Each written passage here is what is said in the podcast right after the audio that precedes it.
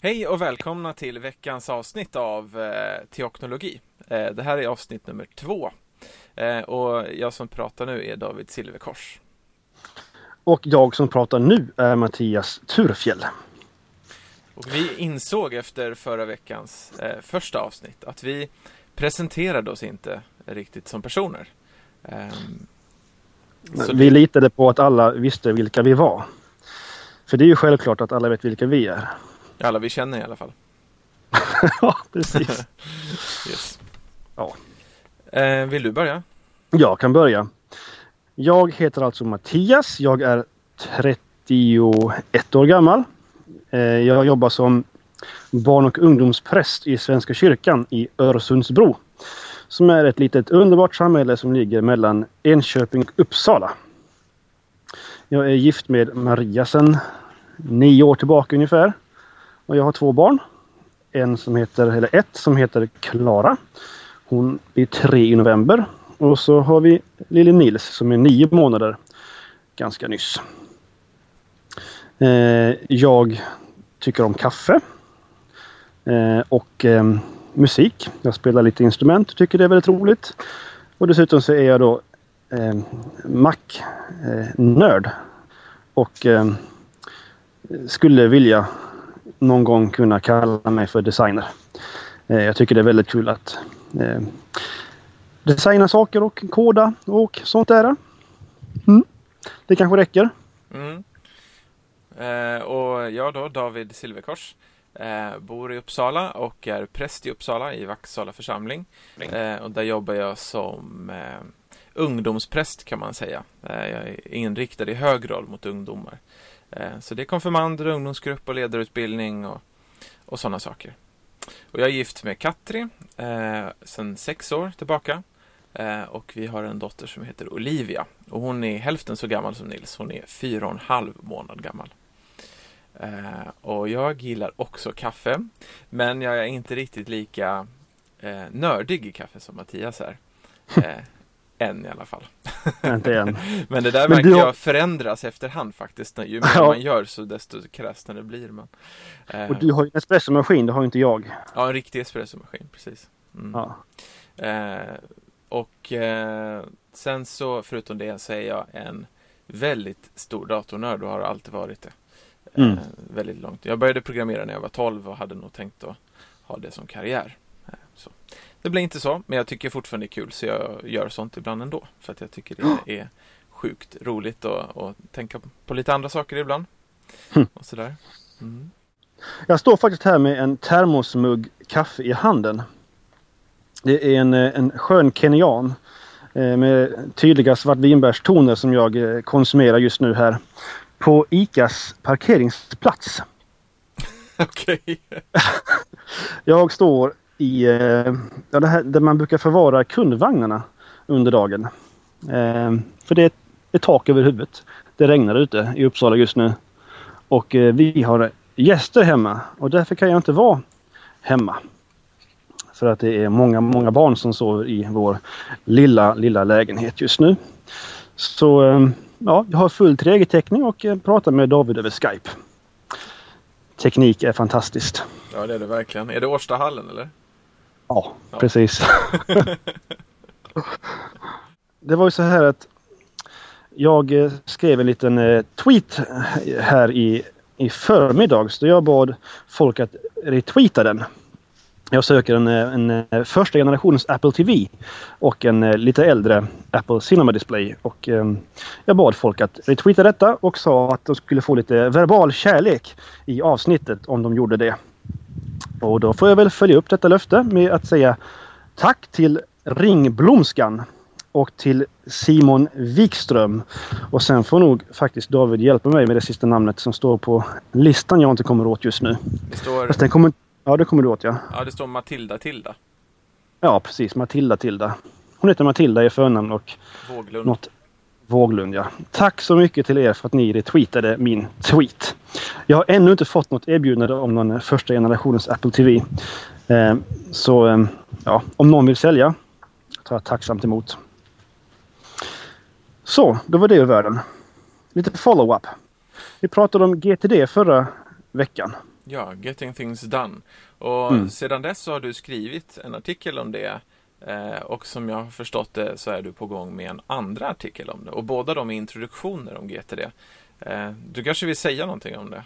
Ja, lite snabbt. Eh, Det är nog bättre att läsa den här första än att eh, jag eh, eh, rehashar hela artikeln. Men jag upptäckte att vi inte var, ska man säga, så fokuserade när vi pratade om GTD i första avsnittet. Jag tror att vi fattade allting. Men om man inte har läst boken Getting Things Done av David Allen eller läst om det på något annat sätt så kanske man inte förstod riktigt allt.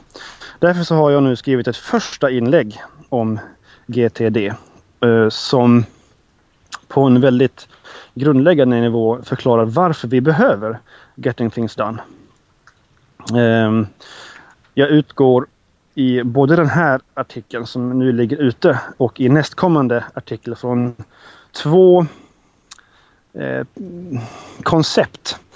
Eh, kontroll och perspektiv. Som jag tycker sammanfattar GTD väldigt, väldigt bra. Att det handlar om både att ha kontroll över det som eh, ligger närmst. Eh, det vi måste göra nu.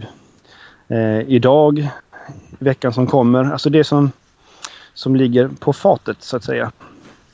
Som man måste göra. Eh, perspektiv å sin sida handlar om att kunna planera för mer än den närmsta tiden. Att kunna se eh, längre. Att kunna visionera. Ehm, och jag- ja, det här första inlägget är ganska basalt och nästa kommer handla mer om hur man får kontroll och hur man får perspektiv ehm, med hjälp av GTD. Och sen om det nu blir ett tredje så kommer det vara eh, en artikel om väldigt handfasta råd när det gäller framförallt det första, kontroll. Sen så, vi, har, vi är lite intresserade av vad som händer också när det gäller teknologi och sånt runt omkring oss. Så det känns som att vi har några saker som vi skulle vilja ta upp. Eh, både av det som ganska nyss har hänt men också någonting som händer väldigt snart. Ja, som vi längtar efter. Speciellt jag tror jag. Ja, du är nog mest på Det är nämligen tisdagens iPhone-event. Eh, Al Gore hade ju tabbat sig här nyligen och sagt att eh, jo, men det är nya iPhones på gång. Eller Mm. iPhone i alla fall. Som om ingen visste det. ja, precis. iPhone 4 har ju nu... Det har varit världens bäst säljande telefon sedan den lanserades. Alltså fortfarande. Det är väl säga, nästan är det 17 månader den har legat ute. Eller den har varit till försäljning. Jag tror inte att det är riktigt så länge. Jag tror det är 14 månader. Eller någonting 14, sånt där. ja. ja. Nej. Det kan det inte vara. Den började säljas i juni. Ja, ja. Förra året. juni Den var lite juli. försenad tror jag. Ja, skitsamma. Den Ja, var, den var, något, fall den var väldigt länge. försenad. Ja, precis. Men den var senare än vad man trodde. Ja. Ehm, ja. Och eh, jag har då iPhone 3G. Alltså den som kom ut för tre år sedan, lite drygt. Och den börjar bli trött, gammal och sliten. Så jag längtar efter en, en ny telefon. Ehm, Och ryktena Vi- nu säger väl att det är två varianter va? ryktena säger att det är en eller två varianter. Det är Mm. Väldigt Mm. tvetydiga rykten. Ehm, men jag hoppas ju på att det är två. Så jag kan få köpa den dyrare. Vi får se. Vad den blir så blir det bättre än iPhone 3G. Jag tror att, eh, att de skulle ha mycket att vinna på att nu komma med en billigare iPhone också. Eh, Ja. För när jag pratar med folk, eh, det är ju inte alla jag pratar med och så, men, men de flesta jag pratar med och, så här, och när man då säger iPhone och de inte vill ha en iPhone, då är det oftast liksom därför att det kostar så mycket tycker de. Eh, för du kan få en Android-lur för mycket billigare pengar. Eh, Ja. Och det känns som att det är ungefär det som är anledningen till att de inte skaffar en iPhone. Ja, Annars antingen hade det det eller, varit det liksom. Ja. ja, eller att man inte tycker om Apple. Ja, just det. Just det. Det Men tycker jag är, det är en bra anledning att inte köpa en iPhone. Det är en bra anledning. Men jag tycker inte den är lika vanlig, i alla fall inte bland de jag pratar med. Nej. Eh, utan ofta så blir det, man väl, väljer liksom ehm, man väljer en lojalitet eh, utifrån andra saker liksom. Sen kanske det Ja. leder till att man förkastar iPhone. Eh, Ja. Liksom, som någon form av eh, PC-Mac-krig eller Ja, ja, sånt där. Jag vet inte. Mm. Alltså jag har ändå märkt att just bland, bland eh, nördar, bland de som inte har iPhone, så tycker jag att det, att det brukar vara att man inte tycker om Apple. Därför köper man Android. Ja, precis. Jo, men ja, absolut. absolut. Och det kanske handlar också om att man vill ha mer, mer kontroll över sin telefon. Mm. Tror jag. Alltså man vill kunna ja, mixtra mer. Just det. Just det. Vad var det mer vi hade i nyheterna? Jo, vi hade också Amazons Tablet som kommer nu i november så släpps den. Men de har ju redan visat upp den nu och den går ju att förbeställa, i alla fall om man bor i USA. Eh, ja. Inte ens Kanada får beställa det, men är man, bor man i USA får man det. 200 dollar, mm. eller 199 dollar. De eh, vill utkonkurrera vem? Det är en intressant fråga. Det finns bara en att konkurrera med egentligen. Ja, fast jag vet inte. Är det en konkurrent till iPad? Ja, i någon bemärkelse är det ju definitivt det. Eh, jag tror att det kanske är lite olika segment som de är ute efter. Men eh, eftersom eh, en, den billigaste iPaden är väl mer än dubbelt så dyr. Det är väl 499 ja. dollar för den. Så det är ganska stor prisskillnad på, på dem. Liksom. Så det är ganska olika. Jag tror, det, jag tror det delvis är olika folk. Men jag tror också att folk, precis som, precis som de ägt en iPad och en vanlig Kindle så kan det säkert vara så att det finns en hel del som kan tänka sig att äga en iPad och en Kindle Fire som den här tableten heter. Absolut. Vad tänker det du? Tror jag. Jo, så tänker jag också. Alltså, jag tror att de tävlar om... Alltså, det är helt olika segment. Eh, I alla fall i Kindle Fires nuvarande form. Det är, hårdvarumässigt så ligger den ju eh, inte på framkant kan man säga. Eh, jag tror det har mycket med hårdvaran att göra. Att den, är, den är verkligen anpassad för det man anklagade eh, iPaden för att framförallt vara, det vill säga konsumtion. Att man inte kan skapa någonting på iPad. Det tror jag nog är mer sant när det gäller Kindle eh, Fire faktiskt. Hårdvaran är alltså inte nog stark tror jag. Eh, men ehm, det är klart att den kan, jag tror den kommer säkert ha marknadsandelar från iPad och det vore bra tror jag. För som det är i dagsläget så är det ju nästan tragiskt. Ja. Eh, däremot tror jag att eh, det framförallt konkurrerar med andra Android eh, tablets. Eh, för de har ju inte lyckats ta några anmärkningsvärda marknadsdelar, andelar. från iPad har väl mest varit floppar allihopa. Det är som någon, det var väl han Marco Arment eh, som, som, skrev på sin blogg där att det finns inte en tabletmarknad, det finns en iPad-marknad. Ja, och så är det ju i dagsläget. Ja. I princip.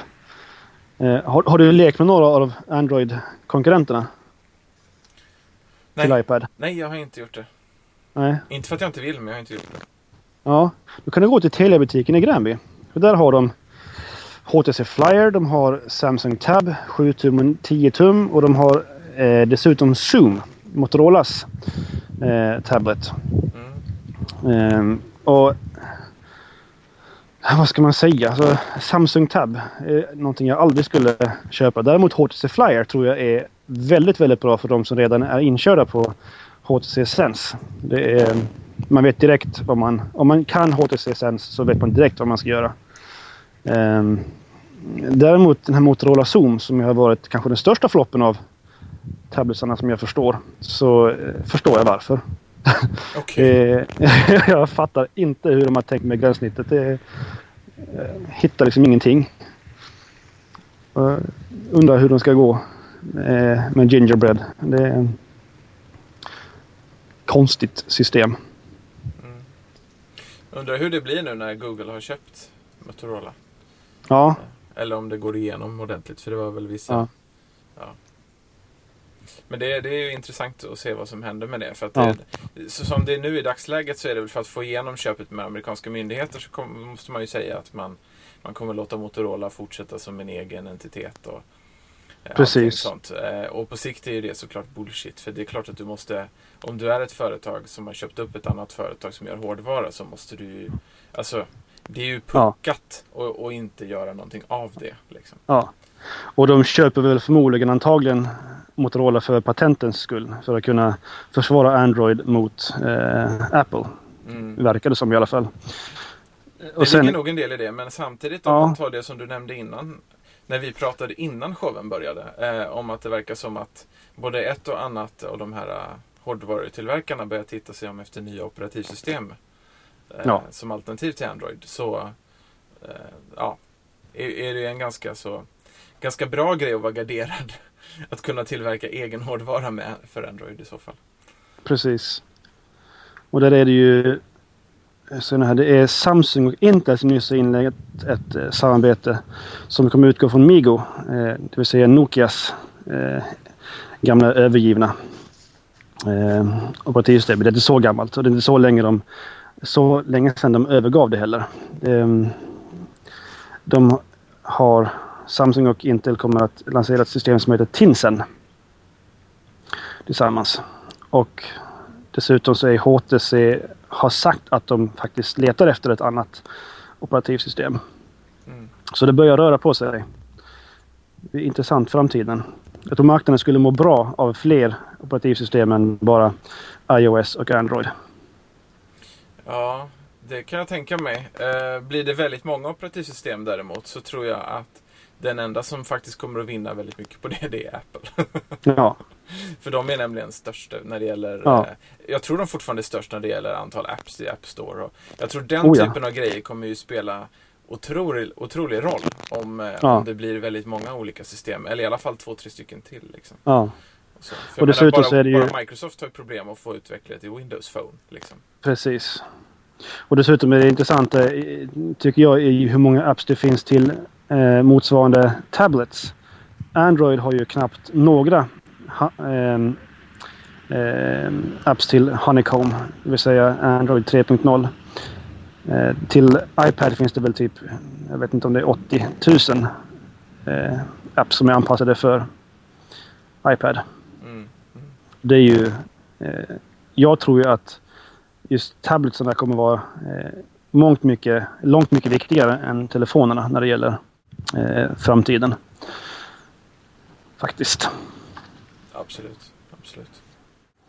Vad har vi med på listan?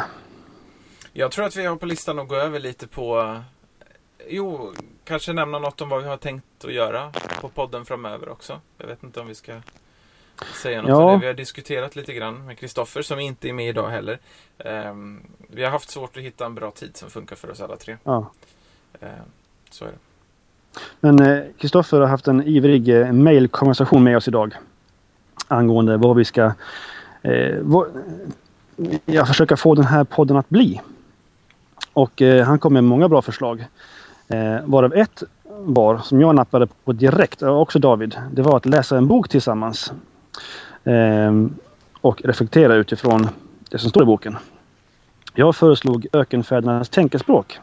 Och det nappade Kristoffer och David på. Varför nappade du på det David? Jag nappade på det därför att eh, det är någonting som jag tror passar ganska bra att diskutera med eh, sånt som Getting Things Done och, Mm. och liknande sådana olika system och också sådana funderingar kring produktivitet och hur man hanterar livet eh, och de här praktiska frågorna liksom. Mm. Eh, och där tror jag att ökenfällorna är ganska intressanta för de har väldigt mycket fascinerande tänkespråk många gånger. Ja, Eh, liksom en del kan verka ganska galna och andra är ja, ofta väldigt insiktsfullt. Liksom. ja. Eh, Jag har ju studerat ökenfäderna en del och har märkt att eh, Ehm, de har faktiskt väldigt mycket som ligger oerhört nära eh, GTD. I alla fall så som eh, David, David Allen pratar om GTD i vissa delar av, av böckerna. Han pratar ju ganska mycket om eh, att GTD också är en del av eh, människans spirituella sida. Att eh, det handlar om att bli mer närvarande i, i, i både sig själv och i världen omkring oss. Och det är mycket av det ökenfädernas eh, tänkespråk handlar om. Just närvaro, medvetenhet och så vidare. Så det kan bli mycket spännande samtal utifrån ökenfädernas tänkespråk. Hoppas jag. mm, det tror jag också. Eh, sen är det väl egentligen veckans huvudämne, eller hur? Ja, och vad är det? Eh, veckans huvudämne är egentligen att fortsätta lite på det här Getting Things Done-tråden har vi tänkt. Eh, vi vill gärna prata vidare om det här därför att det är väldigt, eftersom livet är komplext så blir det även ett sånt här system, även om det är eh, väldigt väl uttänkt och så, så, så, blir det mycket att tänka kring och mycket att eh, fundera kring hur man ska genomföra i sitt eget liv. Mm.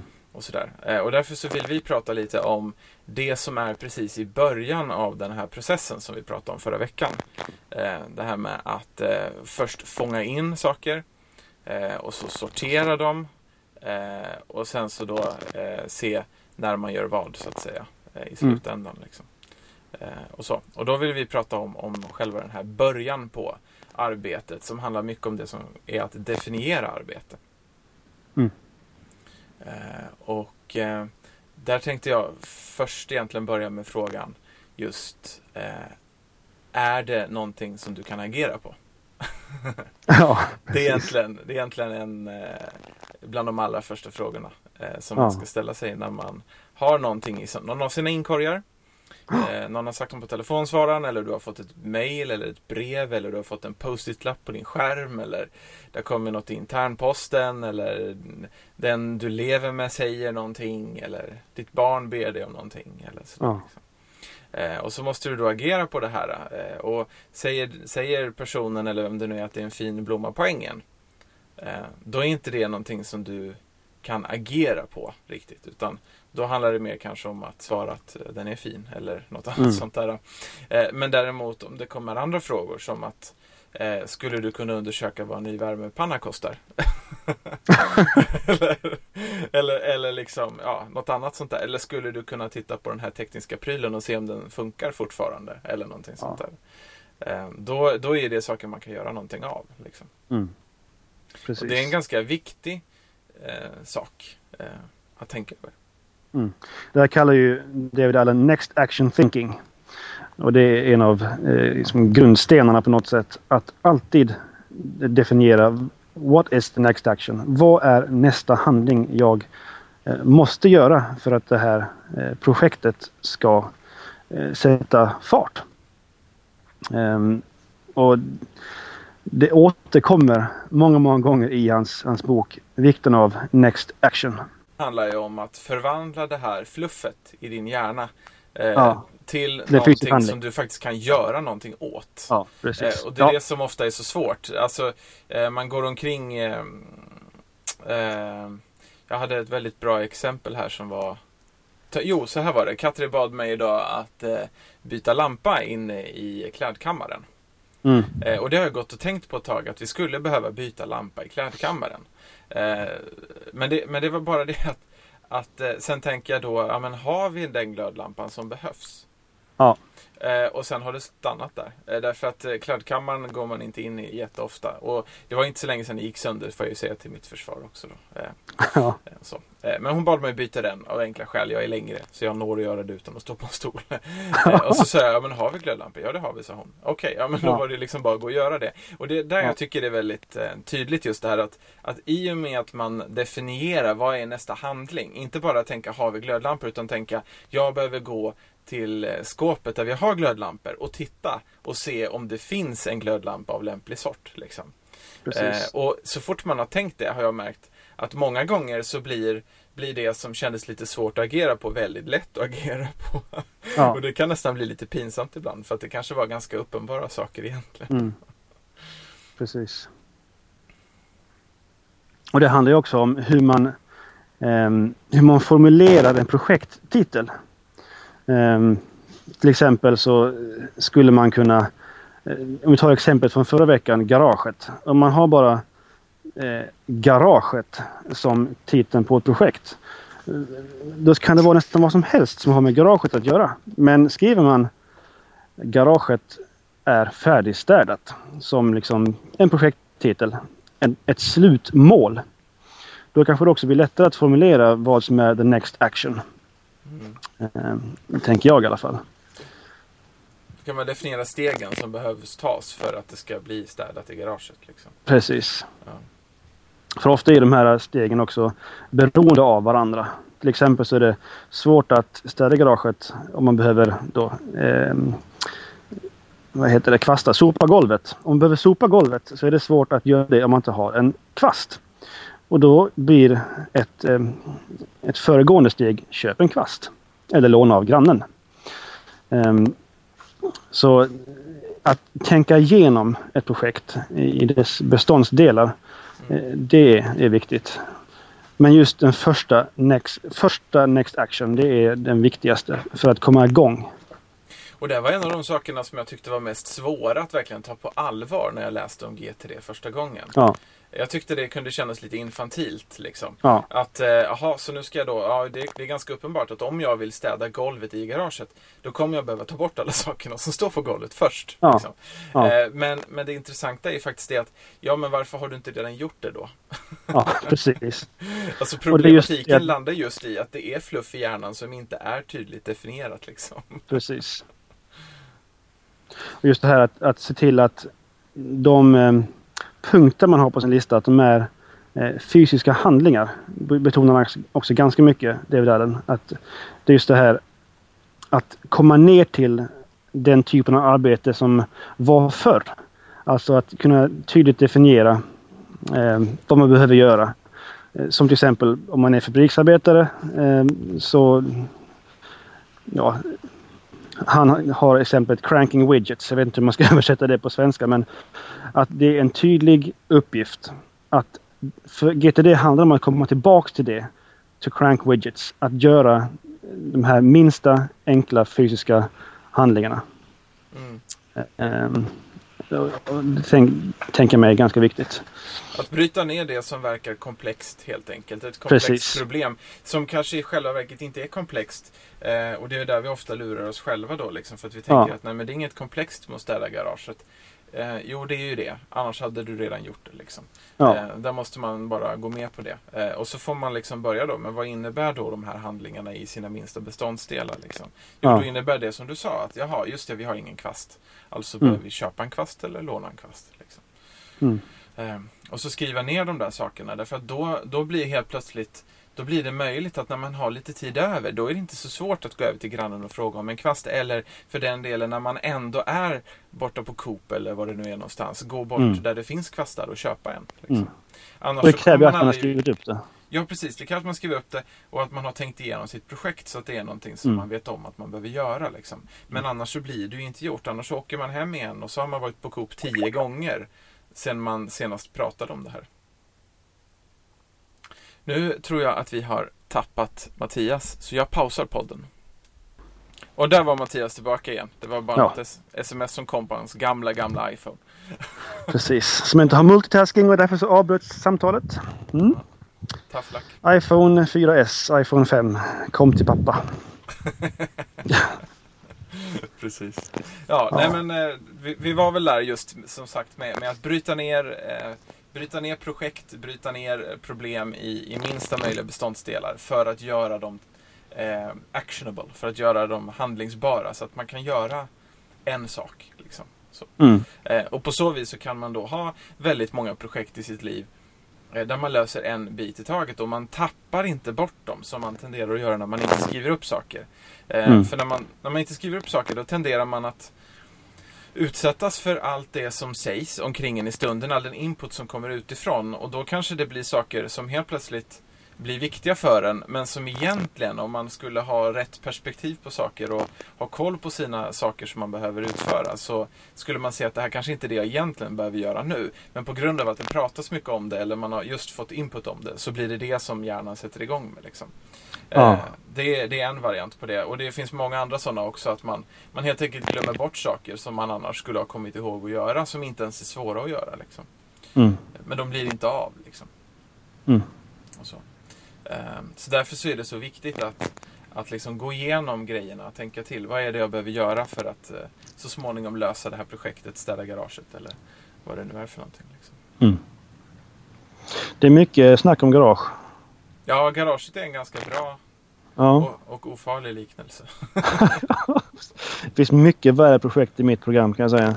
Än städa garaget. För det har jag faktiskt gjort. Men de tar vi inte upp här. Jag har garage. Ja, okay. Det är väldigt bra när man ska flytta kan jag säga. Det kan jag tänka mig. Om det är städat. Mm. Mm. Eh, vad har vi med på listan? Eller är vi klara med Next Actions?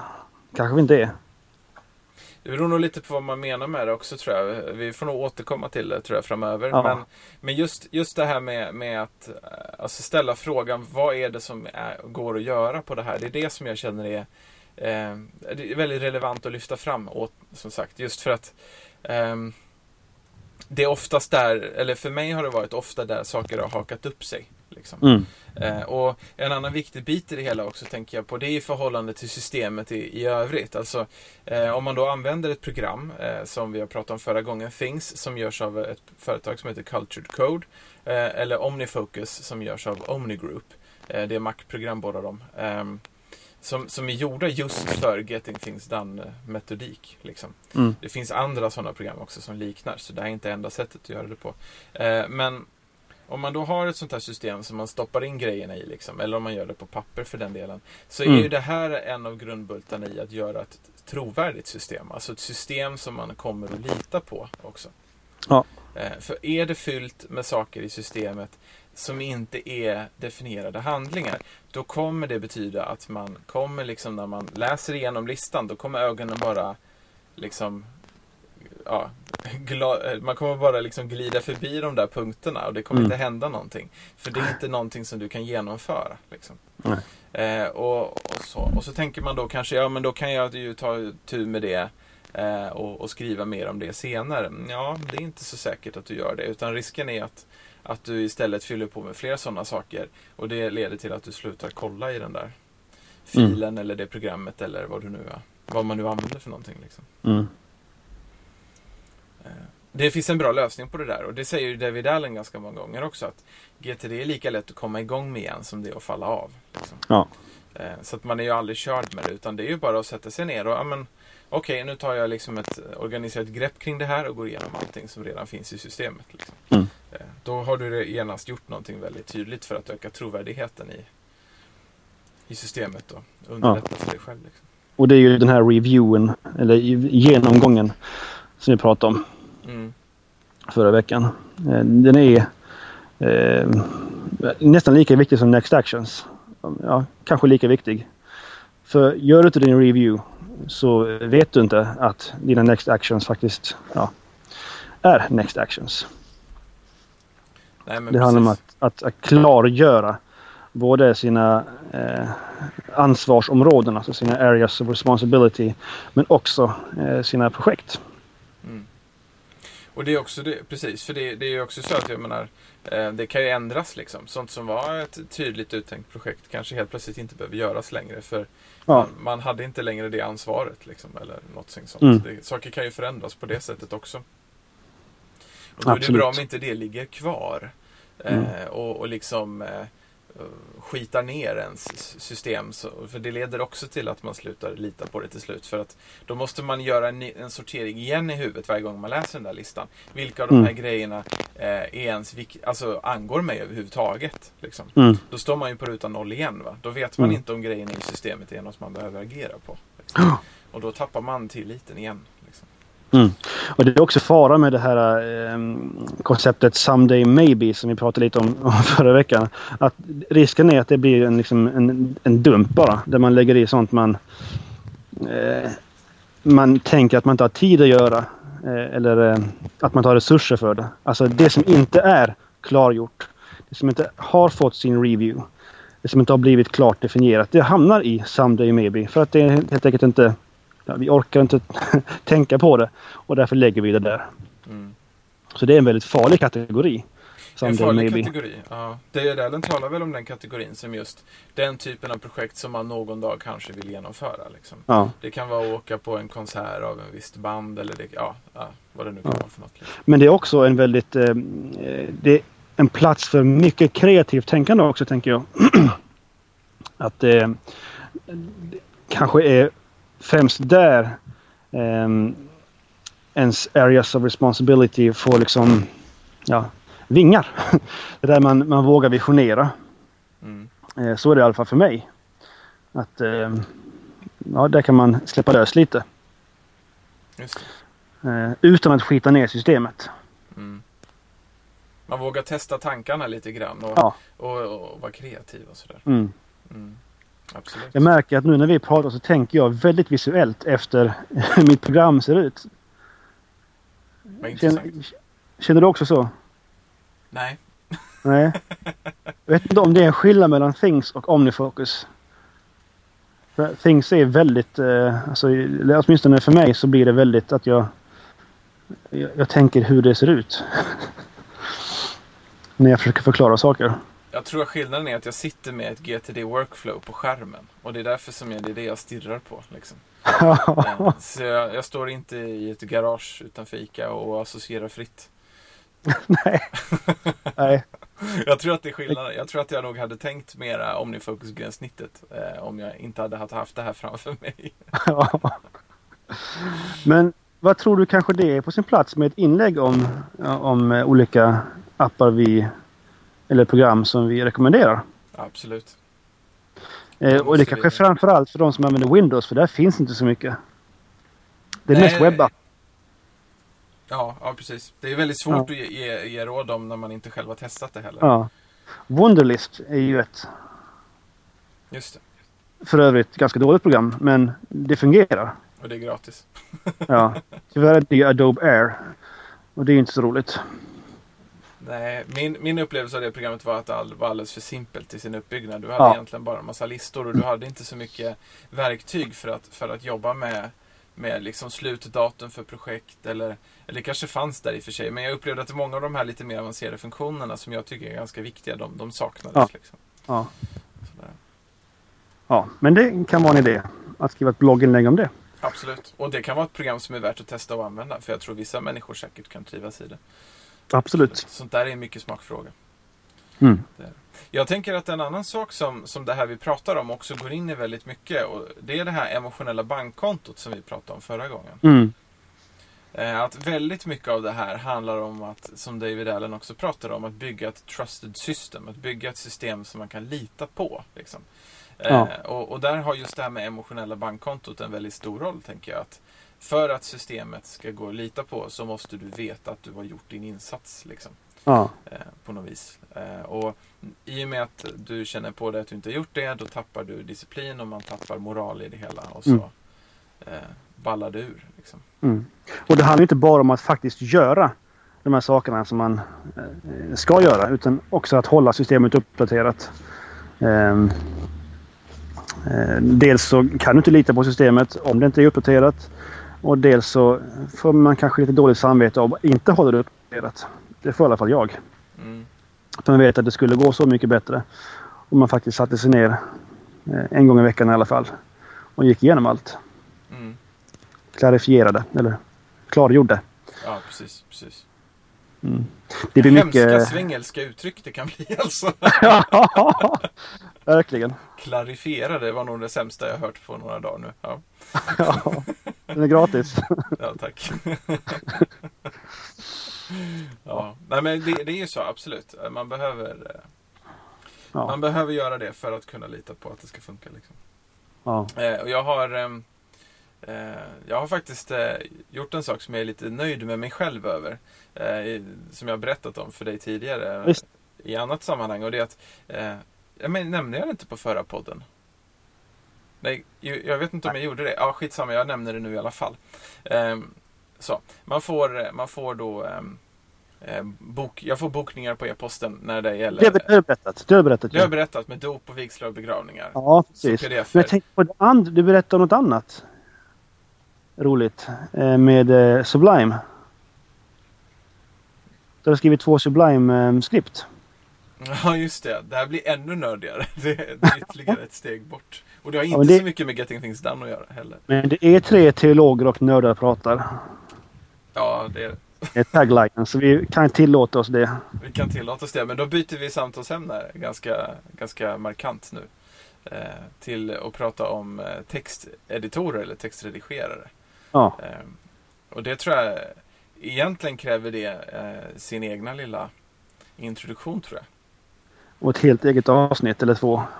Ja, det också. Men jag tycker ändå vi Ja. kan nosa lite på det. Mattias, Det varför, varför är det intressant överhuvudtaget med någonting som kallas för textredigerare eller texteditorer?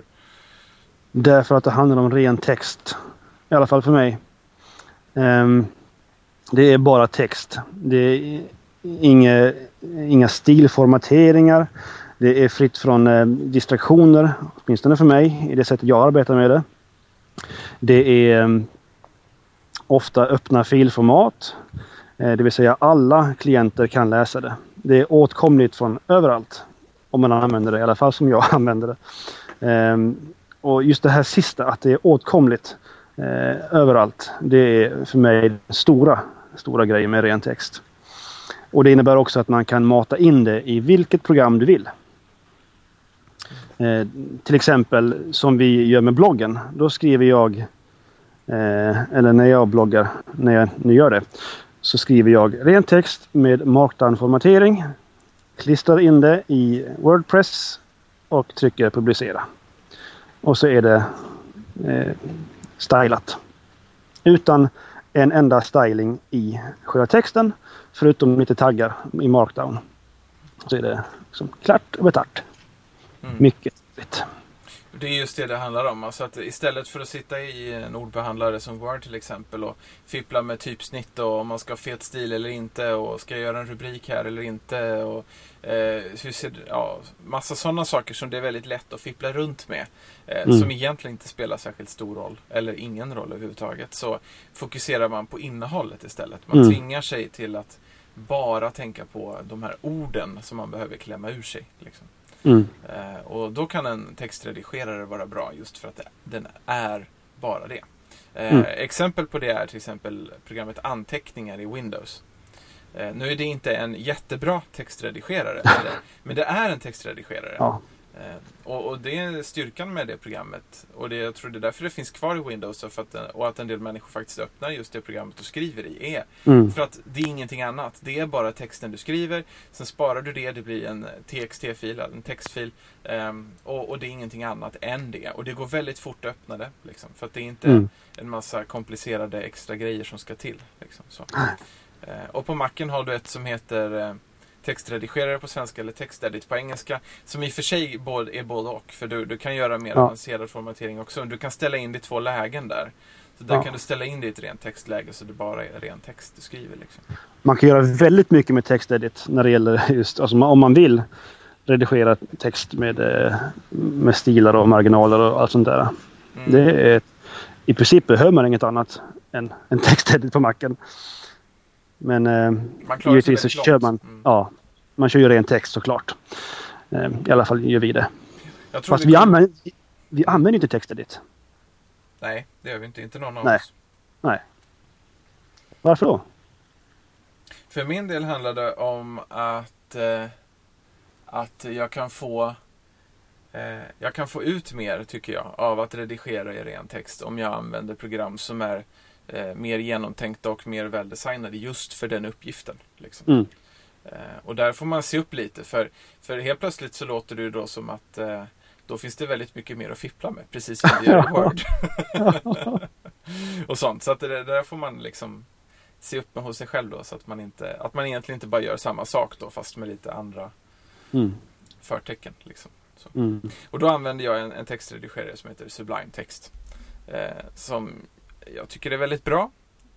Eh, som jag köpte därför att jag eh, det fanns bara för Windows från början och jag satt på jobbet och hade en Windows-dator. Eh, och jag kände ett väldigt stort behov av att redigera i ren text. Eh, när jag skriver predikningar, när jag skriver griftetal, när jag eh, förbereder olika saker jag ska prata om eller jag behöver göra någon form av eh, eh uppställning, outline eller någonting sånt här. Alltså jag är väldigt bekväm med att göra det i ren text. För att tvinga mig själv att bara tänka på innehållet och inte tänka på något annat. Eh, mm. och veta att, eh, att tecknen ser likadana ut. Det kan låta lite töntigt på ett sätt, men för mig är det alltså förutsägbarheten i det jag ser är på något vis en ja. hjälp att, att gå in i att bara tänka på innehållet och inte på det som är runt omkring. Liksom. Mm. Så då köpte jag Sublime Text för det var det program som jag blev mest intresserad av och tyckte var häftigast och, eh, och, och, samtidigt väldigt liksom smidigt att göra, ja, hålla fokus på text med. Liksom. Så. Mm. Sen så har den programmeraren eh, blivit, blivit en väldigt klok man så han bestämde sig för att göra version 2 för Windows, Mac och Linux. Och att alla som hade version 1-licens eh, gratis får version 2-licens. Nej, det var inte bra för honom. Vad sa du? Det var inte så bra för honom i och för sig men... Nej men, eller ja, jag vet inte. Han får ju en större marknad genom att skriva för tre plattformar i alla fall. Ja, det är klart. Och vi som redan hade licenser, vi, vi blev väl liksom inkluderade i det då, så att vi pratar ju gott om det. Det gör jag ju nu Ja. till exempel. ja, precis. så att jag vet inte om det var en sån dålig idé från hans sida. Nej, det är klart. Eh, för nu har jag en Mac som jobbdator. Eh, och en licens är för en användare, inte bara för Alltså en, person, inte bara knutet till ett konto på en viss dator. Så Ja. jag har nu Sublime Text på min jobbdator, på min eh, privata hemdator. Och på din iPhone, vad har du där? Och iPad? Eh, och det, det var det här du var inne på med ren text. Att en av styrkorna med ren text är att det är eh, så mycket lättare att skicka runt och eh, du tappar inte formatering, du tappar inte, du tappar inte text liksom. Eh, av att eh, du sparar i ren text. Liksom. Eh, och det är väl ett av de stora skälen tror jag till varför eh, ren text-appar eh, har blivit så populära i iPhone och, och på Mac. Mm. Eh, och sådär och på många datorer överhuvudtaget. Liksom. Eh, jag använder två program på min, på min iPhone eh, för ren text. Och det ena heter Plain Text. Eh, och det finns i gratisutförande och sen kan man betala för att slippa reklamen om man vill. Det är Hogbay. det är Hogbay Software som Ja. gör det. Eh, och det programmet synkroniserar om du vill med Dropbox. Och det vill man. Och det vill man. Dropbox är en mapp som du kan ha på din dator och allt som finns i den mappen synkroniseras med en server på internet hos Dropbox. Eh, och sen så kan du då ha en annan dator med Dropbox installerat. Då då, så, så blir det samma mapp. Liksom. Så att lägger man en sak i mappen på en dator så hamnar det i andra också. Mm. Automatiskt. Eh, och till det då kan du då, som här till exempel då med det här programmet Plaintext, så har du då tillgång till din Dropbox. Det har du då gett den med ditt lösenord och sådär. Så att då har du tillgång till en mapp eller flera eh, från Plaintext. Och då innebär det att de textfilerna som jag redigerar på min Mac, de kan jag även redigera på min telefon. Mm. Eh, och det går då väldigt snabbt och lätt att söka igenom innehållet i dem eftersom det bara är ren text. Så det är väldigt små datafiler. Då. Mm. Eh, Och sen har jag ett program som heter Nebulous också. Som också är för att eh, redigera ren text från Dropbox också. Lite annorlunda uppbyggt, men det behöver jag inte gå in på här och nu. Eh, och du då? Vad kör du för någonting? På min Mac så använder jag ett som heter Byline. Eh, som är en, eh, en framförallt en fullskärmseditor.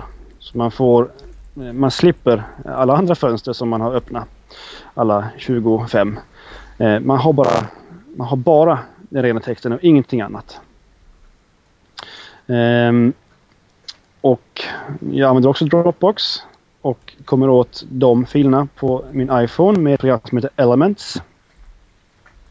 Som är en, ehm, en ren texteditor som också har stöd för Markdown. Eh, det vill säga du kan se eh, din Markdown-formatering eller eh, förhandsgranska din Markdown-formatering. Det vill säga rubriker och, och länkar och sånt där. Och det är egentligen bara det jag använder. Eh, förutom då att eh, när jag redigerar kod eh, så använder jag ett, eh, egentligen en, en ren texteditor som heter eh, Espresso. Som också råkar ha sjukt mycket andra funktioner. Men som baseras just på ren text. Eh, sen har jag också Textmate, fast det använder jag inte så mycket. Du har en licens till det. Jag har en licens till det i alla fall. Mm.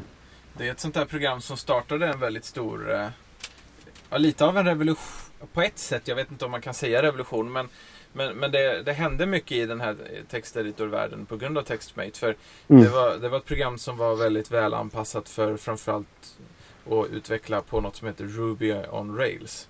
Mm. Eh, för att göra webbappar och det slog väldigt stort. Och sådär. Och det var ju framförallt för att den har den man kan markera syntax. Alltså den kan markera liksom eh, ja, det språk man använder. Och den har stöd för massa olika språk. Och den kan göra det i samma dokument mellan olika språk. Eh, och ge Ja. dig funktioner som är specifika för det programmeringsspråk du programmerar i, i filen. Som är blandad mellan olika programmeringsspråk.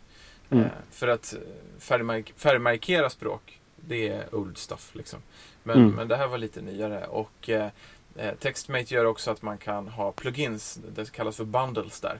Eh, som är specifika just för, för olika programmeringsspråk och eh, sätt att skriva på. Liksom. Mm.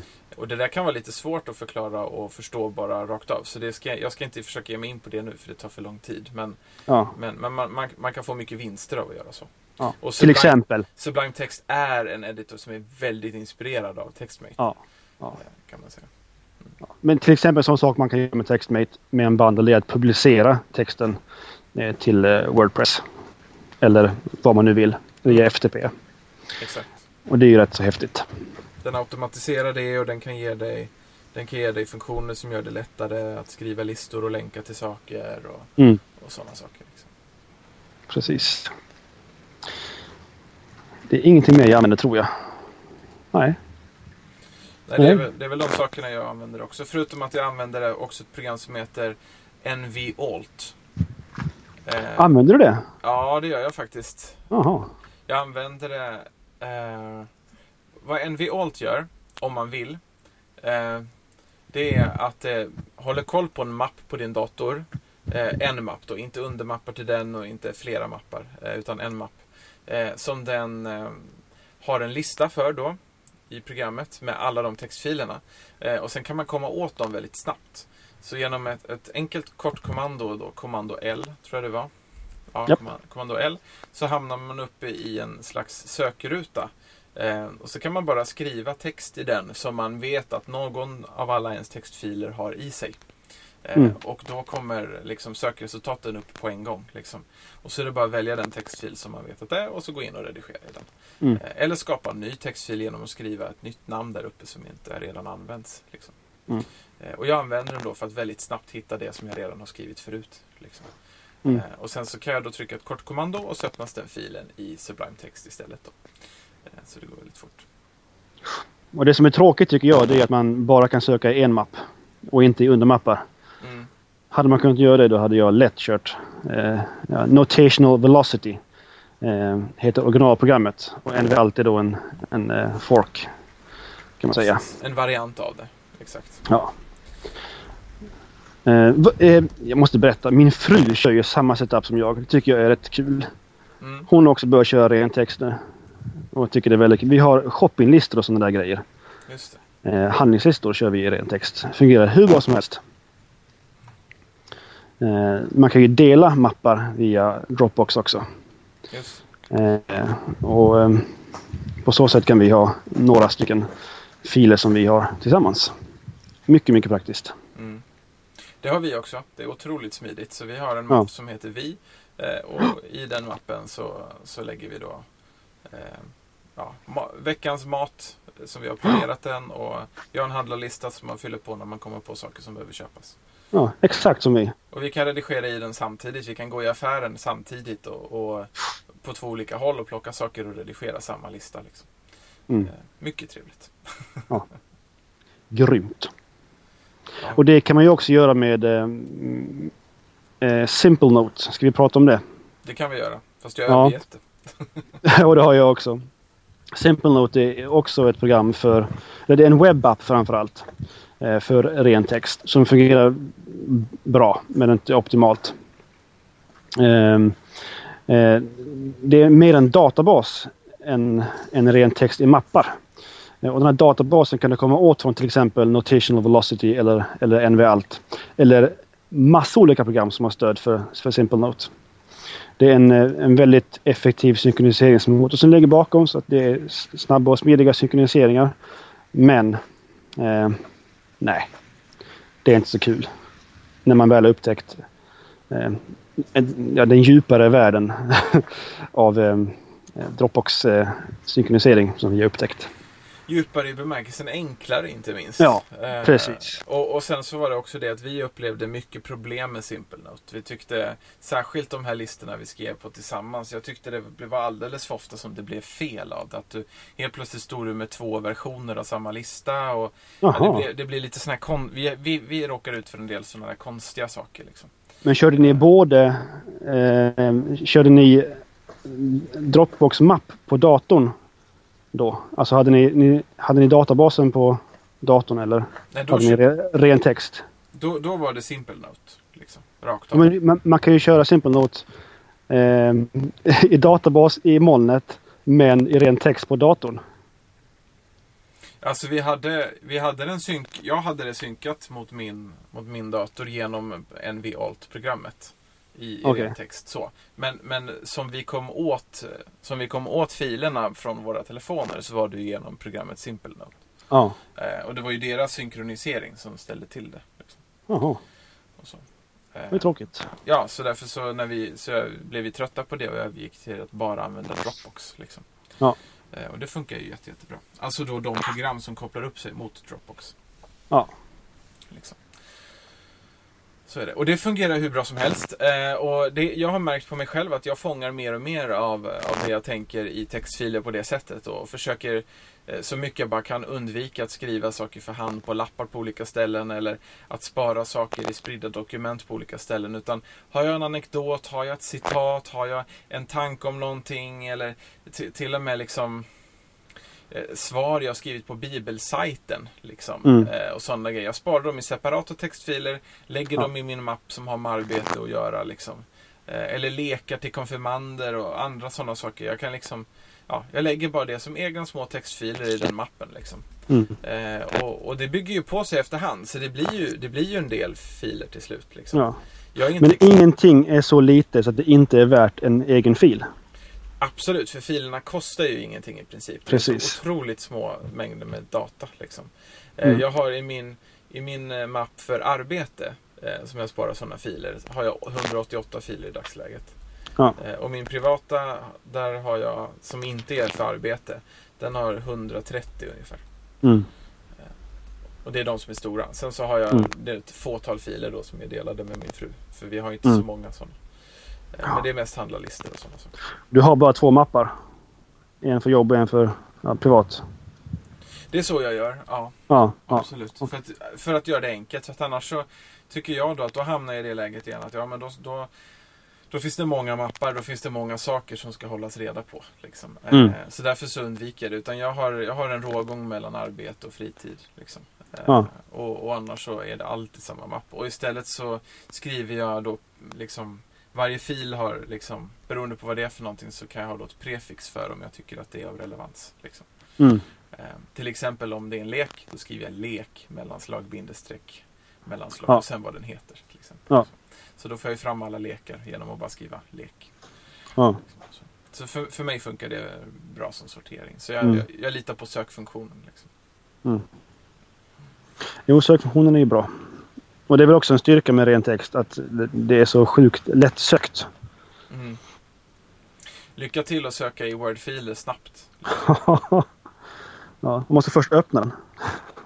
Ja, och även om man som på Macen då har Spotlight, det här förstoringsglaset längst uppe till höger inbyggt då som indexerar datorn och sådana saker. Så eh, jag Mm. vet inte, jag litar inte riktigt lika mycket på det liksom som att eh, så, kunna bara söka i ren text rakt av. Liksom. Nej.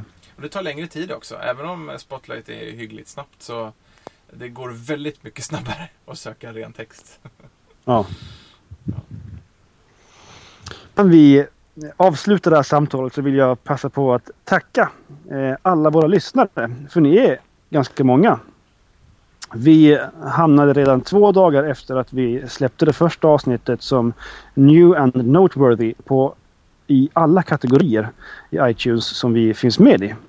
Och det är ju självklart väldigt roligt. Och kanske också visar på att det finns ett behov av ett samtal om sådana här frågor. Så tack för att du lyssnar.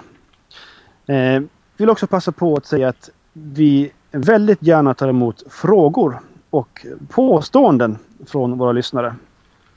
Vi är inte rädda för kritik och vi är inte rädda för svåra frågor. Så hör av dig till reagera snabel-a teoknologi.se eller via kontaktformuläret på hemsidan. Med det tror jag vi säger tack för ikväll eller när du nu lyssnar på det här avsnittet av Teoknologi.